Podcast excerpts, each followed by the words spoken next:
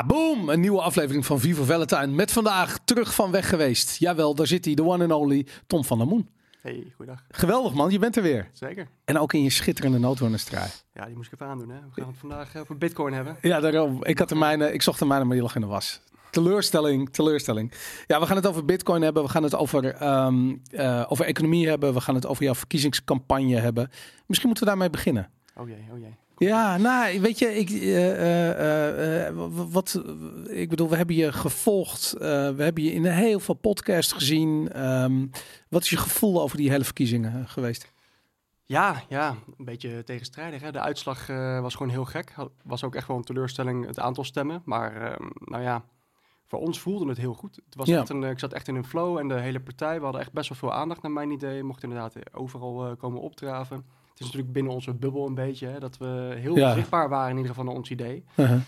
Maar ja, je zag het eh, aan, aan alle partijen aan de rechterkant. eh het is gewoon compleet strategisch gestemd. Ja. Ik heb ook eh, ja, een stukje in een andere krant erover geschreven. Het is bijna een twee-partijen systeem geworden, zoals in Amerika. Ja. Iedereen was bang voor Wilders en iedereen was bang voor Timmermans. En ja, ja Forum heeft minder zetels gehaald, door die altijd meer halen dan de peiling zegt. ja, BVNL weg. Eh, Ja. geen zetel gehaald. Dat is eh, ook veel bizar inderdaad. Ja, die hadden nog vier zetels, of weet ik veel wat het was. Ja, ja dat, is, eh, eh, dat, is, dat, dat is bizar eigenlijk wat er gebeurd is.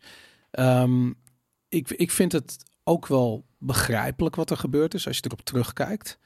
Ehm, ik realiseer me ook dat mensen zijn helemaal niet bezig met politiek, weet je. En dan heb je de LP, wat natuurlijk een hele theoretische partij is eigenlijk, weet je. Ik bedoel, Mhm. libertarisme moet je uitleggen. Je moet uitleggen waarom ja, de staat eigenlijk zorgt voor de leeuwendeel van de problemen waar we mee te maken hebben. En dat staat zo ver bij mensen. Van, mensen willen gewoon een concrete oplossing. Van, ah, ik, heb ik heb geen geld en het is niet veilig in mijn buurt. Ja. Wat kan ik doen? Nou, en dan gaan ze PVV stemmen. Zeker, ja. Dat, dat, dat is het probleem van de politiek überhaupt. Hè. Kijk, alle mensen die meer libertarisme snappen, die, die hebben afkeer voor de politiek. En die, die gaan ook steeds minder stemmen. En, en dan ja, je ziet het aan die, die peilingen zijn zoveel invloed. Het is, het is gewoon echt, ja, gewoon een controlesysteem bijna, weet je. Mensen Ja. die, die zien van, oh jee, oh, straks wordt uh, Timmermans de grootste. En eh, straks wordt uh, Wilders de grootste. En Ja. die peilingen hebben zoveel invloed daarop. Het is, het is, ja, Ja. Het is echt gewoon beïnvloeding van de verkiezingen, naar mijn idee. Eigenlijk wel. Er is toch ook een regel dat je een, een week voor de verkiezingen geen peilingen meer mag doen of zoiets. Of een dag of een paar dagen. Ik weet niet. Er, eh, Nee, ja, er is meer sprake van dat dat misschien zou ingevoerd misschien is dat in worden, Amerika zo. Ja. Ja, dat zou kunnen, maar in Nederland niet volgens mij.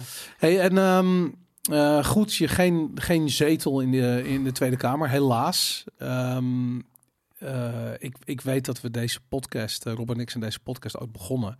En mijn persoonlijke doel was altijd van, ik wil een bitcoiner in de Tweede Kamer. En uh, da, dan had ik altijd zoiets van, ja, Robert die gaat door die podcast heel bekend worden. En toen op een gegeven moment ging hij weg uit de politiek. En ik dacht, ah, kut. je. En ehm, nou goed, het... uh, nog steeds geen bitcoiners in de Tweede Kamer. Het is, uh, het is een teleurstelling. Ja, dat, zeker. Jammer. Nou ja, kijk, bitcoiner is natuurlijk een dingetje, maar er is, er is naar mijn idee niemand in de Tweede Kamer die, die de economie echt snapt. En, en dat kan je zeggen over de bitcoiners, de echt de harde kern filosofische bitcoiners, die het doen Ja. voor het activisme. Ja.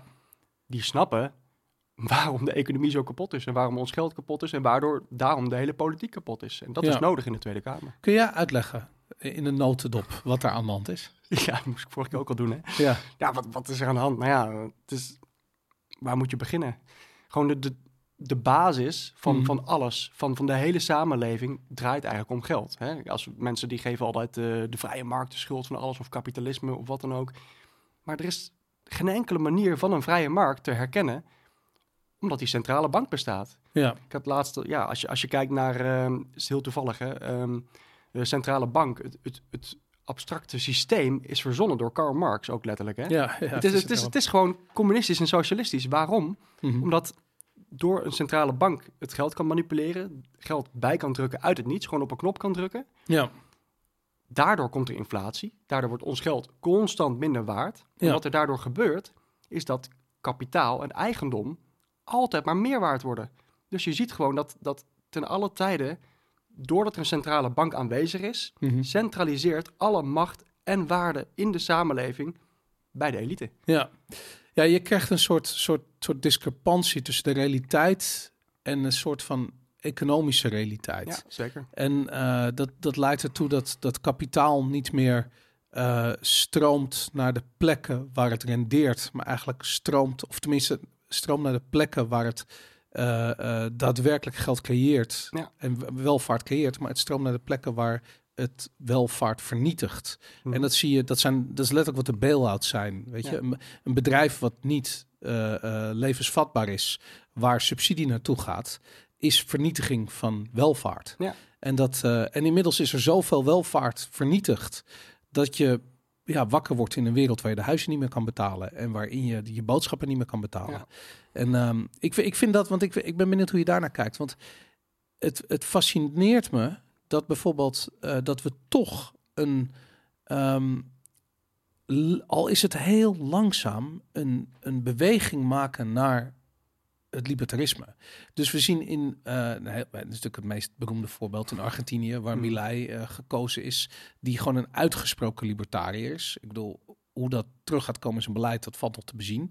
Maar hij is in ieder geval iemand die zegt van die centrale bank, die moet dicht, direct. Hij heeft volgens mij al eh, van de eh 13 of van de 20, ik weet niet eens, overheids... eh, Eh, het zijn eh, acht, acht ministeries zijn er over. ja, ja, inderdaad. had Het, het leeuwendeel van de ministeries heeft hij gesloten. Nou, dat is fantastisch natuurlijk. Mhm. Ehm, maar ik vind het knap, omdat je wat je altijd ziet in een land waarin armoede groot is en waarin mensen echt te maken hebben met de gevolgen van geldcreaties, met zware inflatie.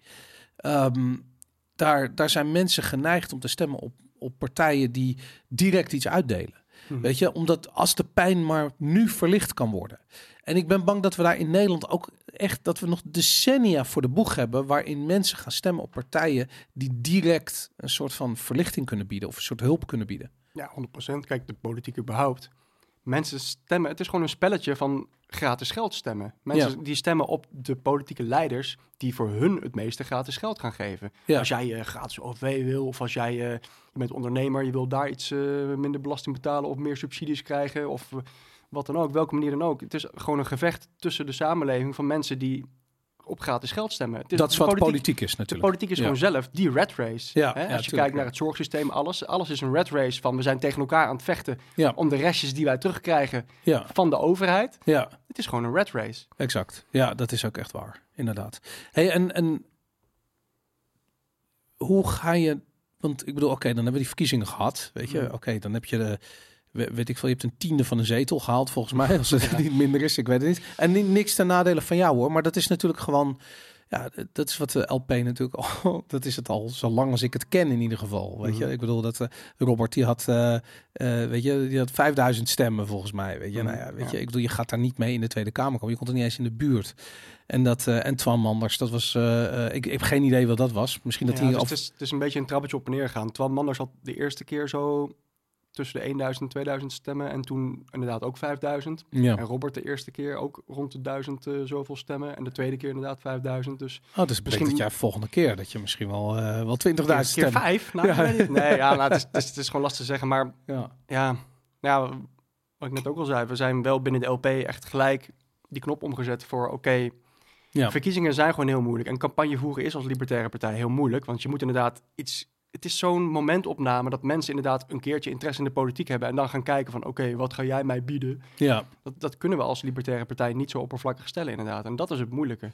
Nou ja, ik denk, ik denk het wel. Weet je, want de, eh, ik vind dat bijvoorbeeld dat heeft BVNL of BVNL heel goed gedaan. Die hebben gezegd van wij zijn er voor de ondernemers. Wat Mm. kunnen we de ondernemers bieden? Een, een, een beter ondernemersklimaat, want dat is in Nederland niet al te best. En dat ehm, eh, da- daarvan heb ik zoiets van ja, dat is. Kijk, de LP heeft geen doelgroep. Dus die heeft gewoon gezegd van dit, zijn, dit, zijn, dit is onze filosofie over politiek en over hoe de staat moet worden ingericht. Mhm. Maar hij heeft niet gezegd van nou, wij gaan de, de tramconducteurs, die gaan we, eh, eh, weet ik veel, die gaan we het makkelijker maken. Of, en de, eh, ja, bij VNL heeft tenminste nog gezegd van ja, we gaan die, die zeker die, die middenstanders, die, die, die middenklasse en die, die ondernemers, die gaan we het proberen makkelijker te maken. Dat is tenminste Ja. nog een doelgroep. Nee, ik, nou ja, ja, nou ons idee hebben wij dat, dat ook gedaan natuurlijk. Hè, maar we hebben gewoon ja, minder bereik dan BVNL. En BVNL heeft, dat, dat is ook waarom ze nu doorgaan waarschijnlijk. Ze hebben door het hele land heen wel overal raadsleden zitten. Ja. Hè? Gewoon heel decentraal. Mensen die het gedachtegoed uitvoeren. Ja, En het is, maar ja, wij hadden ook, we hadden een top drie eh Ja. samengesteld van onze doelgroepen. ja, Er zit dan ook onderwijs en we echt heel eh, anders in natuurlijk. Maar ook, Ja. ook ondernemers. We hadden, wij hebben natuurlijk nog veel lagere belastingen die wij willen gaan bieden aan de ondernemers dan, dan BVNL. ja, En ja, wat, wat, waar wij zien is van, ja, wij zijn... Natuurlijk, het is...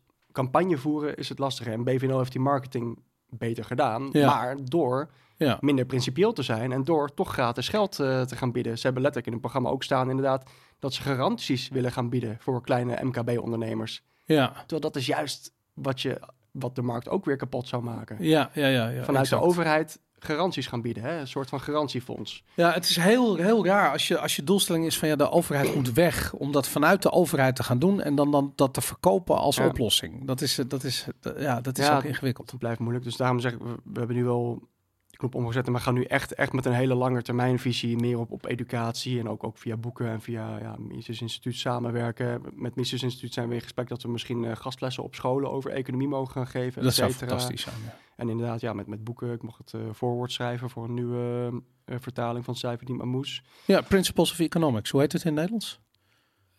Principes van economie? Denk het. E- economische principes. Zoiets. Ik weet, nog niet. Het is nog eh, in ontwikkeling. Ze zijn eh, nu aan het afronden. Maar ik vind dat, dat- het klinkt heel stom, hè, want ik heb toevallig ook,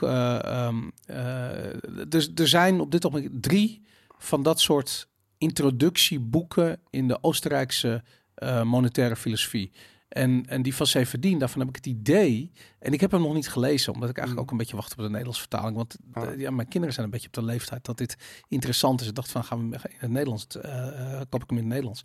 Maar de, ehm, ik denk dat dat de meest toegankelijk is. Dat verwacht ik eigenlijk van. Omdat Ja. hij altijd zo direct is. Hij is nooit helemaal van, nou, en toen zei Mises dit en Rolf Bart zei dat en Hayek zei zus en zo. Mhm. Eh, hij is meer van, dit is hoe het werkt. Ja, zeker. En dat, ik hou van die stelligheid van Ja, zijn... eh, helemaal. Het is dus, kijk, ja, ik noemde dat ook eh, in mijn voorwoord een beetje van, het doet geen eer aan om het Oostenrijkse school voor dummies te noemen, maar het is wel gewoon, dat is de bedoeling. En ja, als je zijn, zijn eigen ehm, voorwoord ook in zijn eigen Engelse versie leest, zeg maar, dan staat er gewoon van, dit is wat op scholen nodig is, weet je. Dit is, hij is zelf heel lang eh, docent geweest in economie en dan zegt van, dit is wat ik nodig had al die jaren. ja, Want dat al mijn studenten hadden vragen die je gewoon vanuit de Keynesian economie niet kan uitleggen. ja.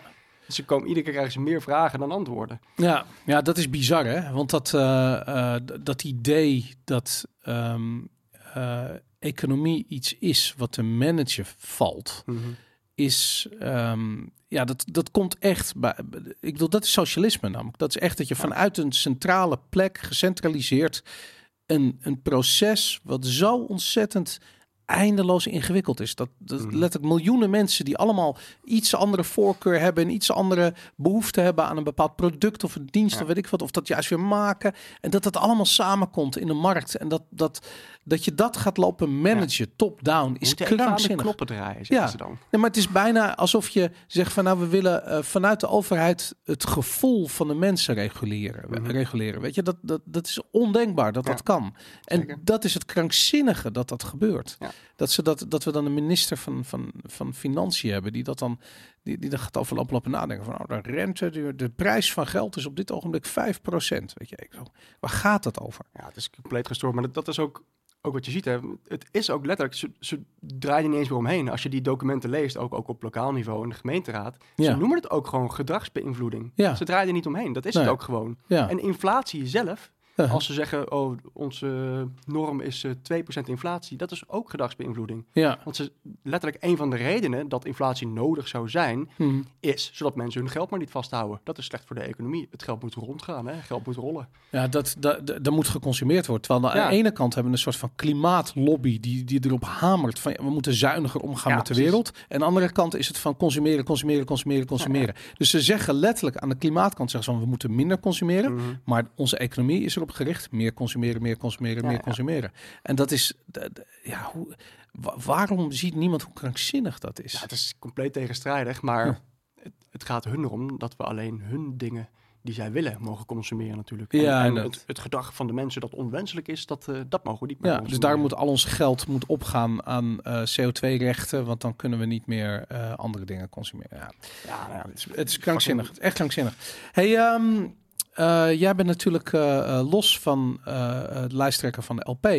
heb jij ook nog een politieke partij opgericht? Of eigenlijk heb je dat al eerder gedaan in Amersfoort. Daarmee zit je in de gemeenteraad van Amersfoort. De partij Amersfoort Vrij, volgens mij. Amersfoort voor vrijheid. Ja. Amersfoort voor Vrijheid, ja. Mhm. Wat, hoe, hoe gaat het daarmee? ja, daar gaat het echt supergoed mee, durf ik te zeggen. We hebben maar één zeteltje, maar we hadden dus ehm, ja, best wel uniek. We hebben dus een referendum eh, georganiseerd ook. Hè? En er, er was een referendum tijdens de Tweede Kamerverkiezing in Amersfoort. Ja, Over, het ging over eh, nieuw parkeerbeleid wat er aan zit te komen. Ja. Daar heb ik hele artikelen over geschreven. Je kon gewoon letterlijk één op één terugzien dat het echt uit de EU-commissie komt. En met, met onderbouwing van de development goals vanuit de Verenigde Naties. En, en stond ook letterlijk bij gewoon van ja, en ehm, als eh, advies, adv- adviesorganen gebruiken we ook World Economic Forum. Het staat er gewoon allemaal bij, Jezus weet je wel. En dan, maar op, lo- op, lokaal niveau zeggen ze dan dat het, dat het niet zo is. Hè? Nee, het komt gewoon uit onze college, onze wethouders die maken dat en de ambtenaren die maken dat. Maar het is Ja. precies hetzelfde taalgebruik, precies hetzelfde Ja. hoe het eruit ziet. Maar het ging er dus over in Amersfoort zijn we vooruitstrevender dan, dan Amsterdam, Utrecht en Den Haag. Ze wilden de hele gemeente betaald parkeren en betaald vergunninghouders maken. Oké. Terwijl Amersfoort nog ja, buiten de Randstad ligt en eigenlijk alleen het centrumpje, de, het stadscentrum, was eh, betaald parkeren en een beetje eromheen. En waarom wilden ze dat doen? Dat willen ze doen, omdat er natuurlijk een eh, klimaatagenda aankomt. Hè. We Ja. hebben hittestress in de, de buitenwijken. En, ehm, Oh, dus de, de auto's moeten weg. Dat is het idee. Ja, nou, staat letterlijk in die plannen ook, Mhm. draai je niet omheen, het gaat om het ontmoedigen van autobezit. Dat staat Jezus erin. Christus. Ja, gedragsbeïnvloeding. Ja. Oké, dus jullie hebben een... ehm, eh, eh, je hebt dat voor, voor het Ja. voetlicht. Je hebt dat in de spotlight gezet. Zeker, Eh, nou, dat was heel moeilijk, want dan moesten we dus ehm, met, met, ja, met één zetel... Er is een referendumverordening in Amersfoort en je moet echt in Nederland kijken, per gemeente zijn er soms nog kansen dat je een referendum aan kan vragen. Dus dat is ook echt grassroots belangrijk, hè? Dat, Ja. dat je kan invloed hebben. Ja. Maar dan moet je dus heel veel handtekeningen voor gaan verzamelen. Ehm, Hoeveel had je nodig? Hoeveel handtekenen? ehm, in totaal ja, we hebben er iets van 8000 opgehaald. Oké. Maar het moet dus in verschillende stappen. Ja. En in de eerste stap moet je er al, eh, ja, het is normaal gesproken 0,5% van die kiesgerechtigde inwoners. Oké. Dus in Amersfoort was dat 1200 of zo. Ja. Maar ja, fysiek op papier langs de deuren gaan, het is eh, best wel heftig. Met een grote groep inwoners hebben dat gedaan. Dus echt, echt grassroots met mensen samen. Ja. En, en daarna krijg je dan, als het wordt goedgekeurd, van oké, ja, ze kunnen het niet wegwijven. Maar als ze zeggen van ja, nou ja, dit voldoet aan de regels, die aanvraag. Je hebt de eerste stap gehaald. Dan heb je daar zes weken de tijd om, om de rest te halen. Dus, dus nog 6000 handtekeningen erbij ongeveer. Dat is echt best wel heftig. Ja. Maar goed, dat is gelukt. En dus we hebben een referendum gekregen tijdens de Tweede Kamerverkiezingen. En 74% heeft nee gestemd tegen de Wow, plannen die eraan goed. komen. En is dat een bindend referendum? Nee, het is raadgevend. Oh. Ehm, en, en ja, het is, de hele situatie is super grappig. Want, want het is dus raadgevend, maar wij hebben het referendum aangevraagd. Want we weten van ja, in de coalitiepartijen, het is super progressief. Hè? Het zit Ja. zelfs Partij voor de Dieren zit in onze coalitie. Maar er zit ook, ja, toch D66, ChristenUnie en CDA. In, de CDA zit heel vaak in die, die buitenwijken, wat bij ons hoogland is. Is een beetje rural area, Ja. buitenwijken. Daar zitten alle CDA-stemmers. En we weten gewoon, die willen dit plan niet. Ja. Dus die coalitiepartijen, ehm, ja, sorry, we gaan het even aan de mensen vragen. En, En kijk nu maar wat jullie ermee doen. Het is super veel druk op de ketel natuurlijk. Hè? Ja. Dus dat is het mooie. wat gebeurt er nu? Ehm, ja, nu gaan we toevallig, eh, volgende week dinsdag gaan we ehm, erover stemmen. Of komt het plan opnieuw in de raad. En dan eh, gaan we erover stemmen met de uitslag. eh, ook debatteren van de referendum en zo natuurlijk. Dus Ja. ja, ja ik ben benieuwd. Dan heb je kans dat het gewoon wordt afgeschoten. Ja, zeker. Ik denk dat de kans groot is. Want, want voor hun, hè, dat, dat zeggen ze ook, het is, het is maar één gedeelte van een heel groot breed plan. Ja, je, moet- je, eh, Amersfoort moet natuurlijk ook een 15-minute city worden natuurlijk. Nou ja, Dat, zeker. eh, en het, ja. precies, dus het mobiliteit. Ze zeggen van ja, maar, ja, maar als we die parkeervergunningen en et cetera allemaal niet invoeren, dan kunnen we minder woningen bouwen en dan kunnen we minder dit doen en minder dit doen. Is- Hoezo? het is- Hoezo kun je minder woningen bouwen? Ja, omdat er dan... eh, Stikstof. Stikstof komt tegenwoordig ook uit auto's. nee, nou ja, deels, maar het gaat vooral om de, de parkeerplekken en de verkeersbewegingen. Hè. Dus de, de, de, wegen kunnen het niet aan. Jezus. De wegen kunnen het niet aan als we nu de wijken daar gaan bouwen. Ja, En dan is er gewoon te veel verkeer. insane. Ik vind dat... eh, ehm, eh, ik moet je zeggen, dat is iets dat... Misschien was dat altijd al zo. Maar sinds deze, de afgelopen Tweede Kamerverkiezingen zie ik dat overal. Dit soort... ehm, die hele vergezochte argumenten die dan Mhm. als waarheid worden Ja. eh, gepresenteerd. Misschien was het eigenlijk wel corona waarin dat, dat echt werd, weet je, de anderhalve meter, dat werkt namelijk. Weet je, je mag wel, eh, weet ik veel, de, de, de, de, McDonald's mag open, maar de sportschool moet dicht. Weet je, die krankzinnige ehm, eh, logica, die geen logica is, maar wat gewoon overduidelijk gewoon voortrekken en vriendjespolitiek is. Mhm. Ehm, ik heb het idee dat dat nu, ik zie het nu overal. Heb je het idee dat het, dat het erger wordt? Of heb je het idee dat het, dat het altijd al zo was? Ja, allebei. Ik denk dat het altijd al zo was. Maar je ziet gewoon de... de er zat altijd een, een langetermijnagenda achter eigenlijk. Hè? En Ja. het is natuurlijk, de, zo heten die plannen ook, de omgevingswet, die wordt nu per 1 januari ingevoerd. Uh-huh. En het is- zijn allemaal de, de 2030 plannen. En, Ja. dan, en dan nu de volgende stap is tussen 2030 en 2040 de langetermijnplannen. Ja. Maar ja, 2030, dat moet nu beginnen met uitvoeren. Want dan moeten ze gaan bouwen en ze moeten het allemaal gaan regelen. Anders dan gaat het niet lukken. Dus Nee. je ziet dat het nu echt ja, in stroomversnelling komt. En dat mensen het gaan zien. En ze moeten nu... Ja, de politiek staat onder de aandacht als er dit soort rare plannen komen. Dus ze moeten het gaan uitleggen aan de mensen. Ja. En je ziet, daar ben ik wel heel positief over gesteld. Zo'n zo'n referendum, laat het gewoon zien. Het is echt een middel. Het enige wat je kan doen, hè, we hebben ook maar één zetel. Het enige wat je kan doen uit de samenleving nog, is gewoon die win-win situaties creëren. Van oké, laten we het maar een keertje aan de inwoners vragen. Ja. Denk, denk je dat jullie argumenten goed genoeg zijn? Ja, en, maar dan moet ik kijken, als je bijvoorbeeld naar Amsterdam kijkt. Ik bedoel, dat is een stad, die heb ik heel erg op mijn netvlies staan. En Mm. dan, dan weet je gewoon, het overgrote deel van die Amsterdammers, die zijn gewoon zo woke als het maar kan. Ja. Eh, die stemmen eh PvdA, GroenLinks of D66 of iets van die strekking.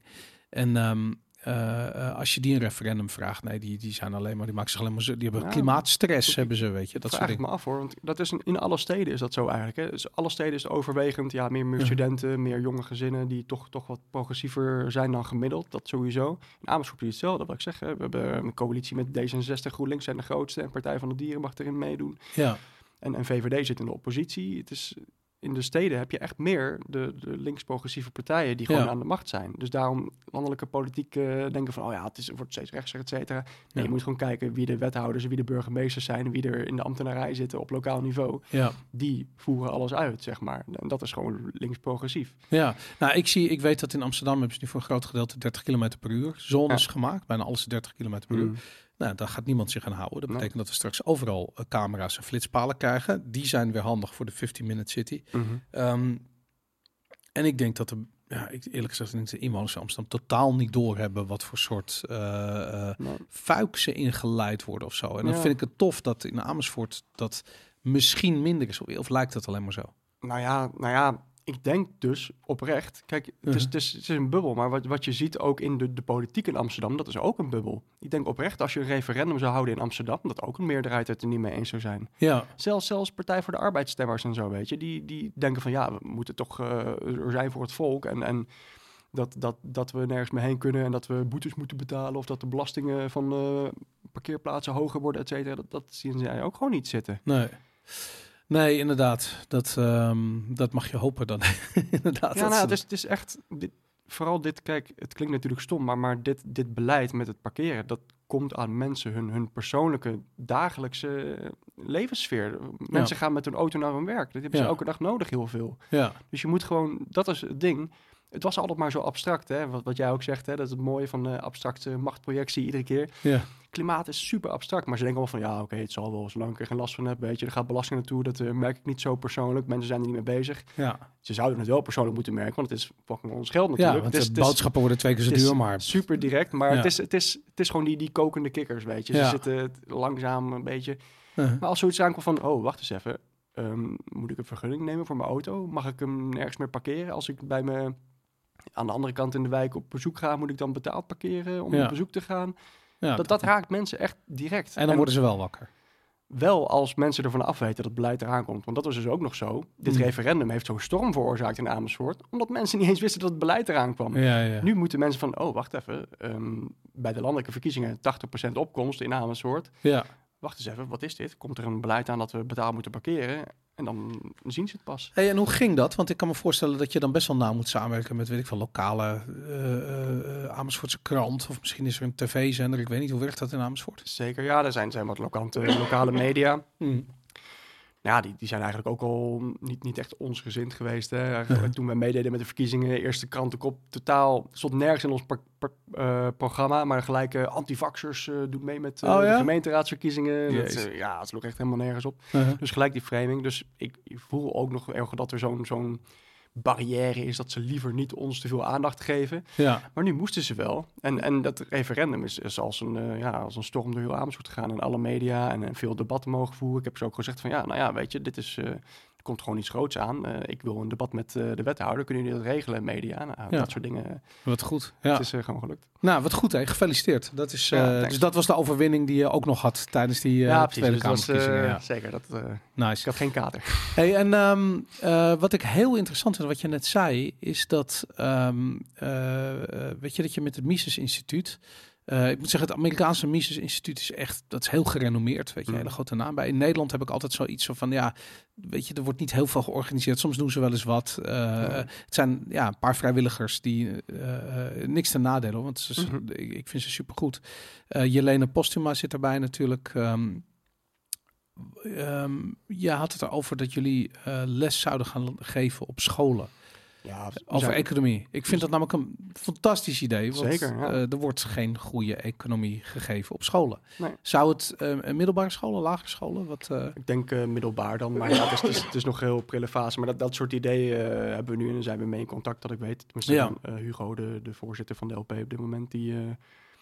we zijn gewoon, gewoon aan het kijken om, om gewoon echt, echt invloed te hebben, weet je. Gewoon meer directe invloed in, in, in ja, hoe, we het, hoe we het zelf willen vormgeven. ja. Dat is ook wat libertarisme eigenlijk is, weet je. We hebben de hele politiek niet nodig, dus dan moeten we ook gewoon een beetje die voorbeeldfunctie zijn. ja, En, ja. en het is leuk dat je Jelena noemt, daar heb ik ook echt persoonlijk heel veel contact mee. Uh-huh. Maar die doet het natuurlijk ook met die, met die Tuttle-tweelingboeken. ja, ja. Dat, is, dat is dan voor nog jongere generaties echt eh basisschoolniveau. Maar dat is, ja, dat is fantastisch. Ja, nee, dat is, dat is fantastisch inderdaad. Ja. Hey, en, ehm, eh, want ik weet dat jij zelf ook heel erg bezig bent met onderwijs. Eh, ook omdat je zelf kinderen hebt natuurlijk. Maar ehm, heb je contact met scholen al daarover?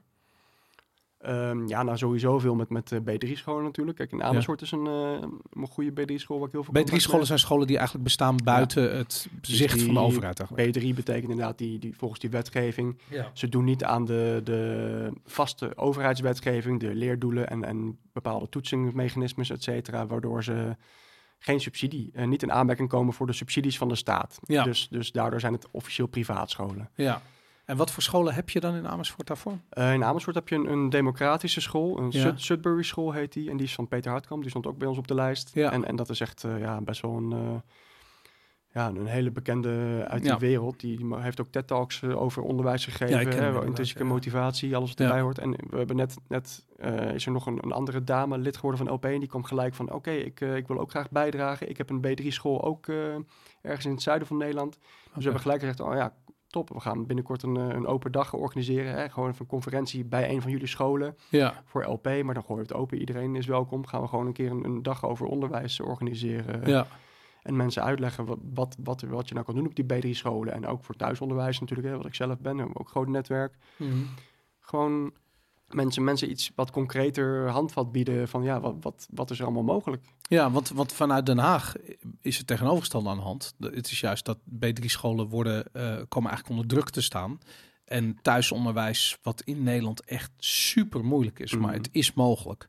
Ehm, ja, dat, volgens mij moet dat helemaal afgeschaft worden. eh, dat, ja, Ja. daar zijn ze druk mee bezig. Dus ehm, ik, wat, wat ik dan interessant vind, is juist ook daar heb je weer dat, dat je aanloopt tegen veel, tegen heel veel onwetendheid. Weet je, ouders weten niet, ehm, weten eigenlijk niet wat het probleem is met onderwijs. Mhm. hoe, hoe, hoe, hoe, hoe verklaar jij dat?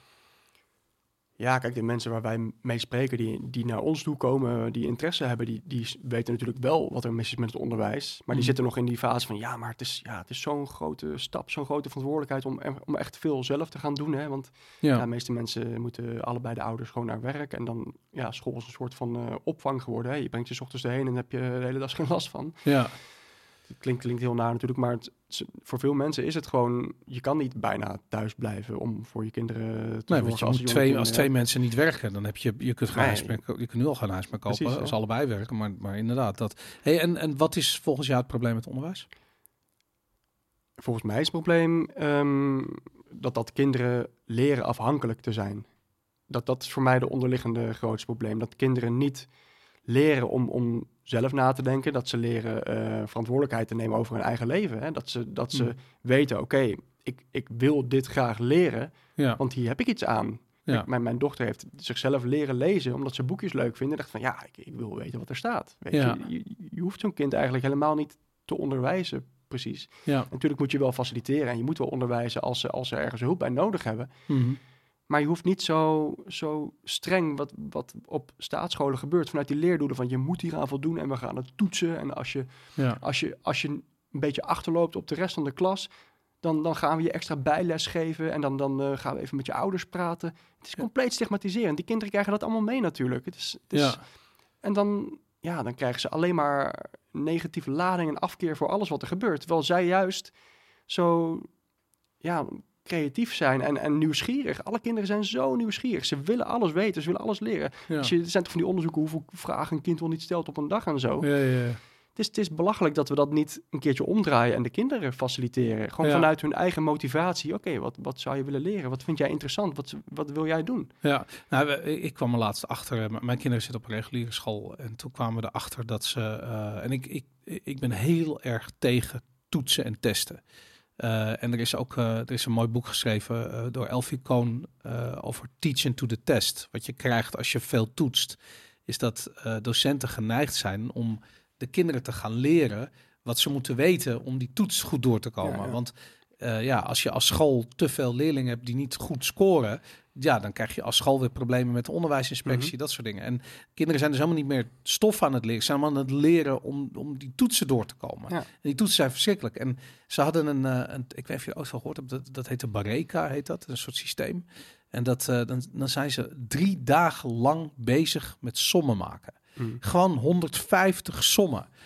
En mijn zoontje kwam thuis en die was gewoon, nou, die was gewoon, die was niet te harde gewoon. En die wilde niet meer naar school. Stond ik zo, wat is er aan de hand, weet je?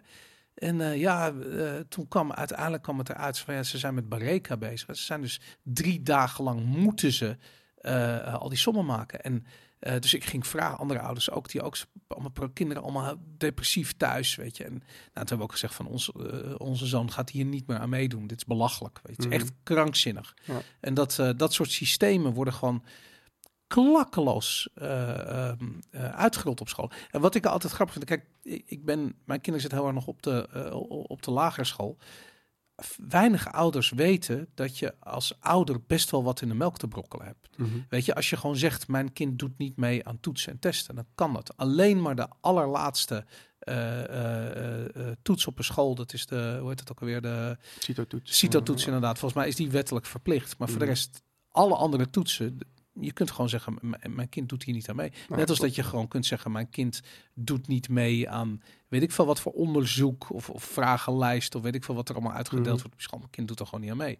En dan, ehm, ja, dan, dan, dan heb je in ieder geval, je kunt je kind een beetje beschermen tegen die ellende.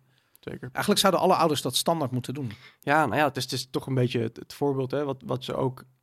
Juist, juist wat je ziet in Amerika bijvoorbeeld, daar heb je echt die, die, die schoolboard posities van Ja. ouders. Dat zijn, Ja. altijd, dat zijn altijd ouders. Ja, En, en die hebben bijna alle invloed over de hele school. Die mogen zeggen wat er voor curriculum komt, et cetera. En alles wat er eh, qua lesgeving bijna gegeven wordt. ja, En in Nederland heb je echt ook wel invloed. Alleen, ja, mensen denken van ja, ik ik ben gewoon ouders en mijn kinderen gaan school. Het is allemaal aan hun. ja, Maar je, je hebt best wel veel invloed. Maar het probleem is inderdaad wat je zegt. Hè. Kijk, die, die schoolbesturen zelf, ja, die, ze zijn niet verplicht om die toetsing te geven. Maar ze zijn wel verplicht om aan die leerdoelen te houden. Ja. Dus dat ze al die kinderen in administratie eh, met cijfers alles moeten kijken of ze wel volgens de, de, de meetlat voortgang zijn. Van, ja, ja. En dat, en dat vanuit verschillende adviesorganen allemaal wordt het dan wel gesteld van ja, dan moet je dit soort eh, toetsing eh, doen en zo, want dan kan je dat het beste bijhouden. ja. Dus het is, het is allemaal zo abstract dat het niet in wetgeving vast ligt, maar iedereen doet eraan mee, Ja. omdat het soort van, ja, wel de, de normale gang van zaken is. Ja, ja dat, dat, dat klakkeloos meedoen, dat is een thema. Het is ook een beetje een thema waar ik dacht van misschien kunnen we daar eh, naartoe. Want dat zie je zowel bij de landelijke politiek, je ziet het bij, bij onderwijs, je ziet het overal. Mensen Mhm. zijn zo ontzettend passief in hoe ze Ja. omgaan met, met, met hun situatie eigenlijk, met de, met, met de wereld waarin ze leven.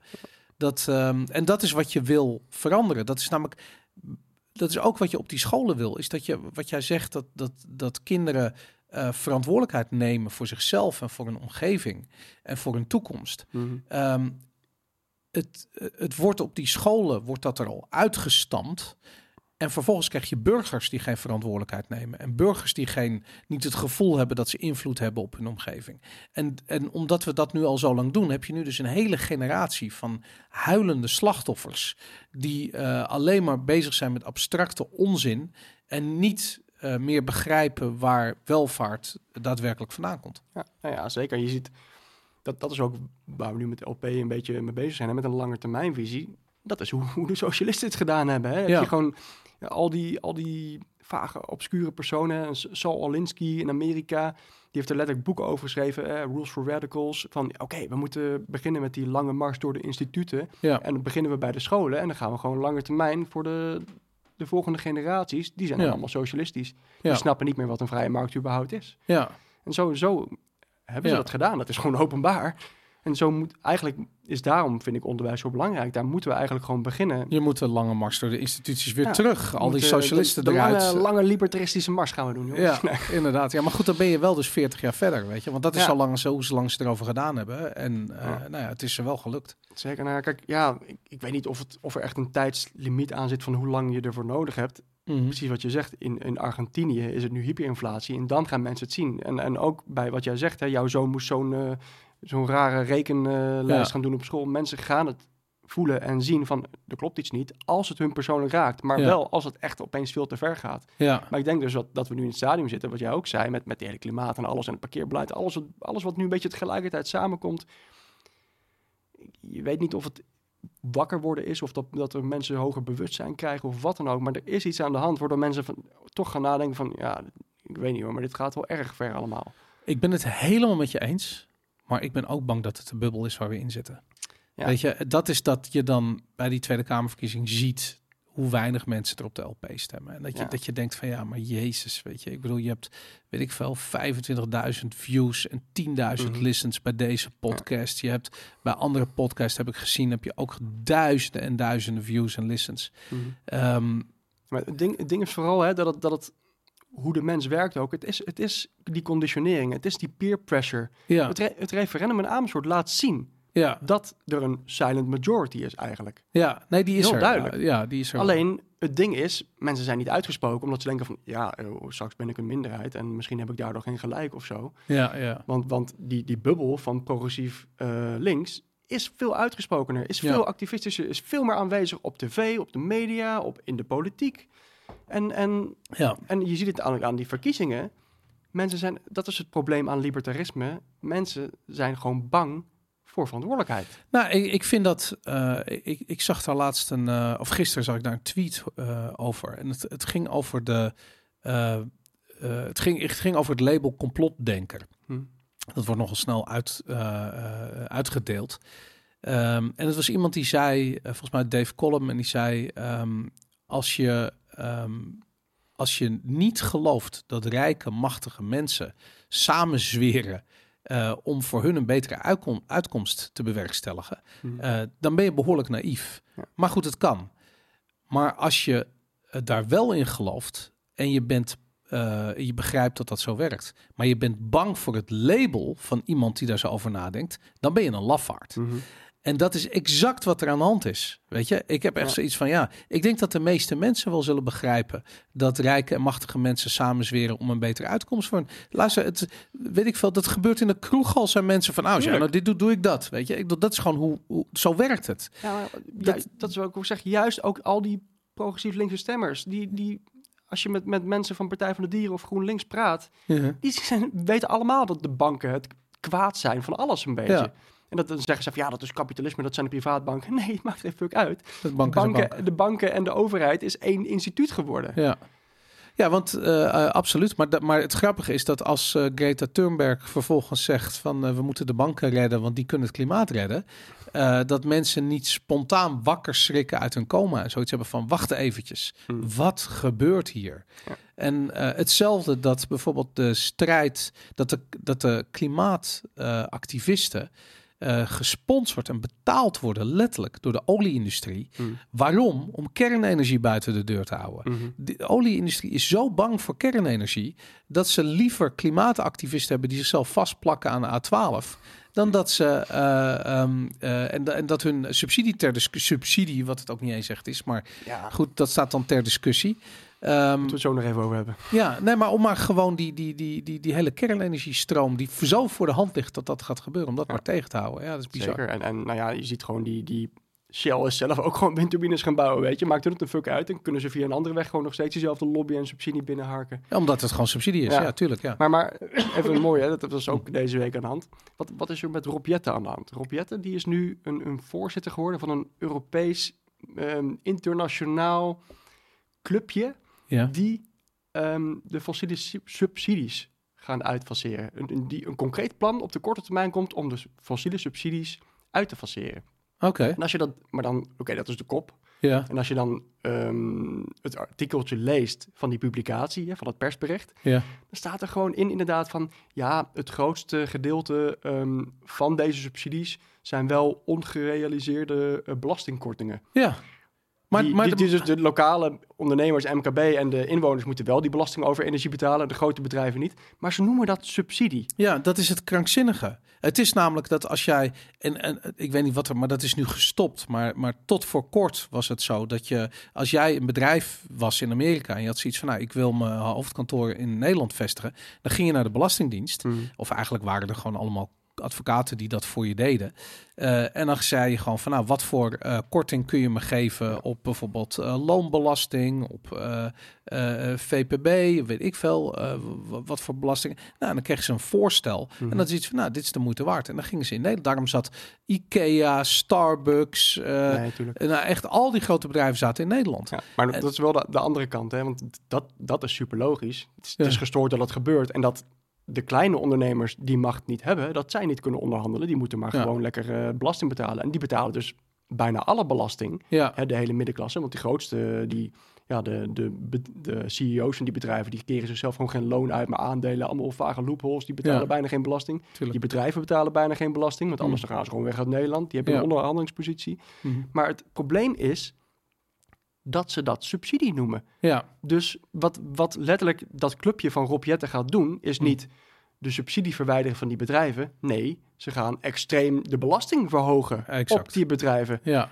En dan al die mensen die zich vastplakken aan de A12, die Ja. denken dat het iets goeds is. ja. Terwijl die, Die kunnen straks de, de treinkaartjes naar de A12 niet meer betalen. nee, die de bus, die kunnen meer niet betalen. meer. Dat, precies. En, en ja. die, die kunnen hun, hun mooie huizen ook niet meer verwarmen. Als de energie, de belasting op energie en de accijnzen is in Nederland al het grootste van de hele wereld. Ja, we zijn, volgens mij zijn we, is eh, een kuub gas is hier twee, drie keer duurder dan in België. Dat soort Ja, krankzinnige. Ja. Nou ja, wat je gaat krijgen zometeen is dat mensen massaal weggaan uit Nederland, omdat het wordt onleefbaar. En dat, ehm, dat zou heel erg zijn, want daarmee, ehm, ja, daarmee heb je een probleem wat, wat echt heel lastig op te lossen is. Mensen die weggaan komen niet zomaar weer terug.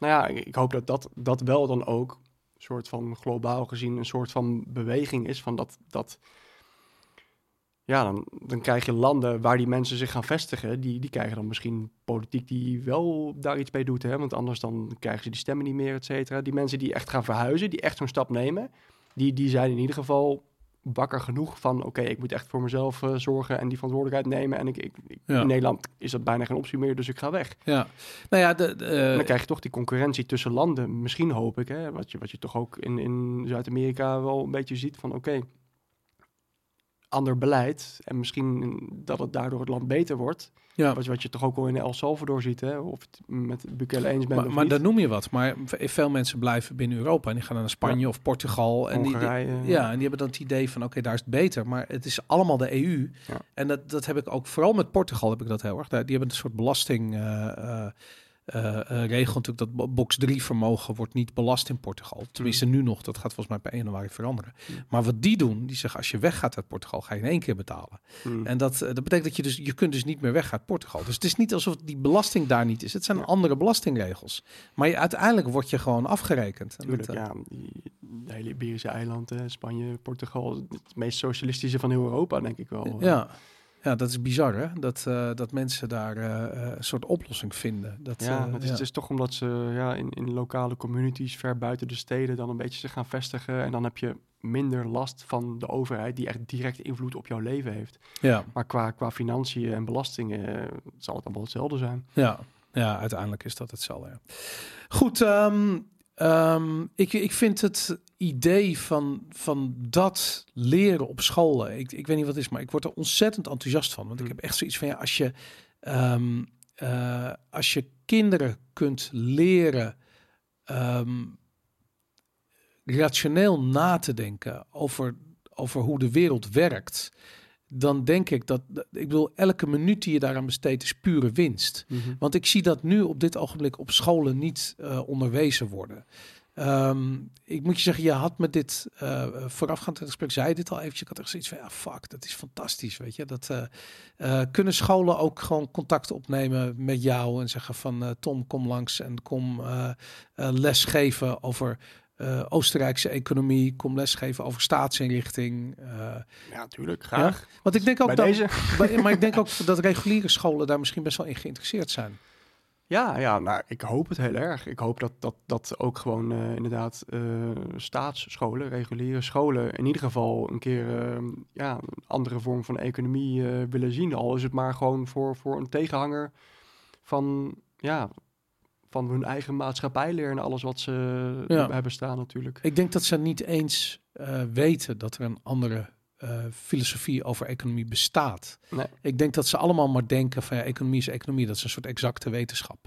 Hm. En dat, eh, dat, is, dat is het grote probleem. Weet je, het gebrek. Hoe kennis verdwijnt uit deze maatschappij, dat is opvallend. Dat gaat met een tempo. Dat is Mhm. nog nooit eerder vertoond volgens mij. Ja, nou ja, ja, je ziet het. En dat zie je denk ik in het onderwijs het meeste. Gewoon überhaupt die, die termen zelf, hè. De term economie. Ja. Vraag eens aan iemand wat, wat economie is. Wat, wat is economie? Leg het eens uit. Dan Ja. krijg je ook honderd eh, verschillende antwoorden. Hetzelfde met kapitalisme. Hetzelfde met al die termen. De vrije markt. Ja, Mensen, mensen weten niet wat dat betekent meer. ja, En dat, dat leren ze dus ook niet op school. Ja. Dus dat is, dat is echt een probleem. ja. Maar moet je niet boeken gaan schrijven? Moet je niet eh podcasten over economie gaan maken? Ja, Moet dat, je- dat, gaan we, dat gaan we ook sowieso doen. Hè. We, hebben, we hebben een mooie eh, Libertaire Partij podcast. We hebben natuurlijk tijdens de campagne ook vooral gebruikt om ja, mensen uit te nodigen. George van Hout, Hester bij. Ze hebben allemaal podcasts meegedaan. Ja. Superleuk. Maar nu gaan we die podcast dus echt doorzetten en gebruiken om gewoon echt vanaf basis, vanaf punt 1, het libertarisme uit te leggen aan mensen. Gewoon heel Ja. toegankelijk, heel duidelijk. Gewoon longvorm in een gesprek. Oké, wat, wat betekent vrijheid nu eigenlijk? ja. Wat is vrijheid? Vrijheid is niet dat je afhankelijk bent van de staat. Ja. Partij, PVV, Partij voor de Vrijheid. VVD, eh, Volksvereniging voor Democratie en Vrijheid, weet ik hoe het Mm. allemaal heet. Ja. Allemaal vrijheid hebben ze in hun naam. Zij zien vrijheid als, ehm, er wordt goed voor mij gezorgd door de staat. Ik heb minder stress of zo, weet ik veel. We moeten onderwijs geven in wat is vrijheid? En, en een volgende aflevering nu dan van eh, libertarisme. Wat is het non-agressieprincipe? Wat is libertarisme? Je moet gewoon echt bij die basis beginnen, denk ik. En het gewoon ja. goed, goed uitleggen op de lange termijn. Doe me één plezier, verander die naam.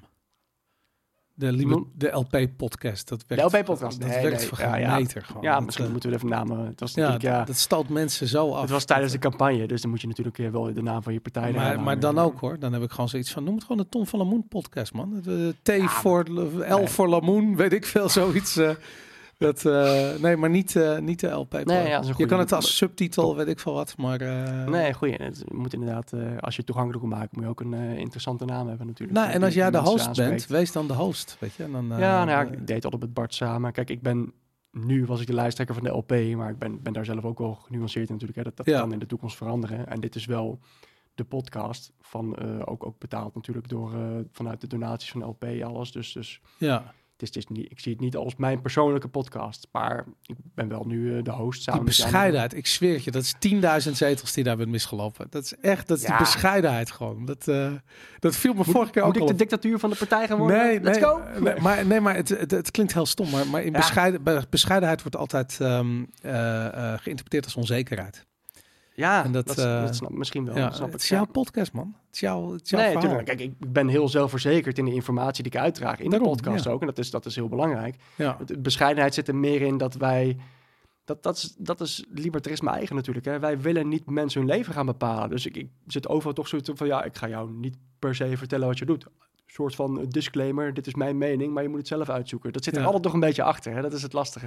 Ja, nee, ik, ik snap het heel goed. Ik begrijp het helemaal. Ik heb alleen zoiets van in media eh, gelden soms andere wetten. En dat Mhm. is eh, en duidelijkheid is daar. Ja, Weet je, dat is precies. hetzelfde met een, met een eh, heel genuanceerd verhaal vertellen van 20 minuten. Mm. Of twee quotes geven. Ja, ja, je weet zeker. dat die quotes er toch uitgeknipt Tuurlijk, gaan worden. En die 20 minuten is alleen maar zonde van je tijd. Nee, ja, maar dat, dat, dat doen we sowieso ook bij eh. Bitcoin Amsterdam ook. Ik had speciaal eh, wat quotes voorbereid. Ja. Ik weet van, oh, die, die worden toch wel uitgeknipt. Die kunnen we lekker delen en lekker viraal laten gaan. Dat, is het belangrijkste dat je dus nodig hebt. Maar dat is, dat is met de economie hetzelfde. En de Oostenrijkse school, iedereen deelt alleen maar die, die, die paar quotes... Ja, Die, die gewoon heel toegankelijk, heel simpel zijn, heel makkelijk. ja. Dat, Ja, dat is ik- ook nodig. Ik, ik, ik had dat met, eh, eh, op een gegeven moment sprak ik een leraar en die zei van, weet je wat raar is aan onderwijs in Nederland? Het is bizar dat eh, ehm, kinderen geholpen worden in de vakken waar ze niet goed in zijn Mm.